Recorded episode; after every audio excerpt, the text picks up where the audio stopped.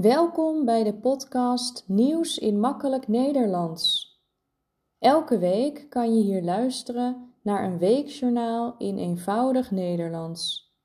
Ik probeer redelijk simpele woorden te gebruiken en duidelijk te spreken. Aan het einde van het journaal heb ik een opdrachtje voor je om je Nederlands te oefenen. Dit is aflevering 102. Ik vertel over een aantal nieuwsberichten uit de kranten van week 5 en 6. Deze aflevering gaat onder andere over werken na je 67ste, problemen met de formatie en carnaval. Het wordt een kortere aflevering, want ik voel me niet zo lekker. Deze week is de aardbeving in Turkije en Syrië een jaar geleden. Het was een heel zware aardbeving. Meer dan 50.000 mensen stierven. Er zijn nog steeds veel problemen in het gebied. Veel mensen wonen in tenten of in een containerwoning.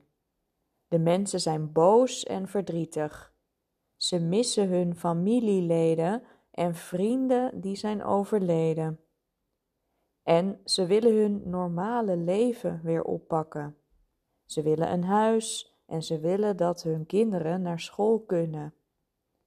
De mensen zijn erg boos op de regering. Veel gebouwen waren niet veilig. Dat stond in rapporten. Maar er is niets aan gedaan. De onveilige gebouwen werden niet gesloopt. Dus mensen leefden in onveilige huizen of lagen in onveilige ziekenhuizen. Steeds meer Nederlanders blijven werken na hun 67ste. Ze mogen met pensioen, maar veel mensen blijven doorwerken. Ze hebben plezier in hun werk of de werkgever vraagt of ze langer willen blijven. 18% van de mensen tussen 65 en 74 jaar doet dat. In Zweden, Zwitserland en IJsland werken nog meer ouderen. In IJsland werkt 32% van de oudere mensen. De Britse koning Charles is ziek. Hij heeft kanker. Charles moet rust houden. Hij stopt gedeeltelijk met zijn werk.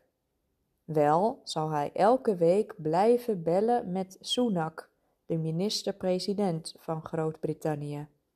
Zo blijft hij toch op de hoogte. Er zijn problemen met de formatie van een nieuw kabinet in Nederland. Een paar maanden geleden waren er verkiezingen. Nu proberen de politieke partijen PVV, VVD, BBB en NSC een nieuw kabinet te vormen. Dat is moeilijk. De partijen zijn het niet overal over eens. Pieter Omtzigt van NSC is gestopt met de gesprekken. Dit komt vooral door discussie over geld. Sommige partijen willen veel geld uitgeven. De VVD en NSC willen dit niet. Ook twijfelt Omtzigt aan de partij van Geert Wilders, de PVV. Hij twijfelt of de PVV zich houdt aan de grondwet. Het is onduidelijk hoe het nu verder moet. Gaat Omtzigt toch weer aan tafel of stopt hij definitief? In Chili zijn hevige bosbranden. Meer dan 130 mensen zijn overleden. Meer dan 14.000 huizen zijn in vlammen opgegaan.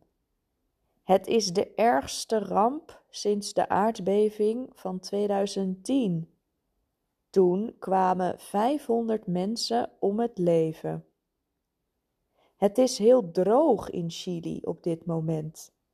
Dat komt ook door El Niño. El Niño is een natuurverschijnsel. Het betekent dat het zeewater in de grote oceaan opwarmt. Dit heeft veel invloed op het weer. Het wordt bijvoorbeeld heel droog. Dat is nu ook het geval. En daardoor ontstaan branden. De autoriteiten denken dat sommige branden zijn aangestoken. Ze doen onderzoek.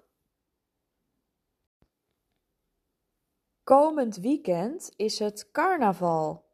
Dit feest wordt vooral in Brazilië gevierd, maar ook in Nederland wordt het steeds populairder. Vooral in de provincies Noord-Brabant en Limburg. Enkele grote carnavalssteden zijn Den Bosch, Breda en Maastricht. Tijdens carnaval krijgen deze steden een andere naam, een carnavalsnaam. Zo heet Den Bosch tijdens carnaval Oeteldonk. Het hele weekend en soms langer zijn er gezellige feesten. Er is muziek, dans en er zijn parades met mooie praalwagens. Mensen verkleden zich en hebben plezier. Maar let op, veel mensen die daar wonen zijn niet zo blij als mensen van boven de rivieren komen. Het wordt te druk in de stad en de mensen vinden dat het hun feest is. En dan nu het opdrachtje van deze week om je Nederlands te oefenen. Deze week gaat de opdracht over carnaval. Zoek informatie op over dit feest. Waarom vieren mensen dit? Waarom vindt het plaats in de winter en niet lekker in de zomer? Praat er samen over. Dat was het voor deze week. Wil je de tekst ontvangen van deze aflevering? Stuur dan een mailtje naar nieuwsinmakkelijknederlands@hotmail.com. Bedankt voor het luisteren en tot volgende week.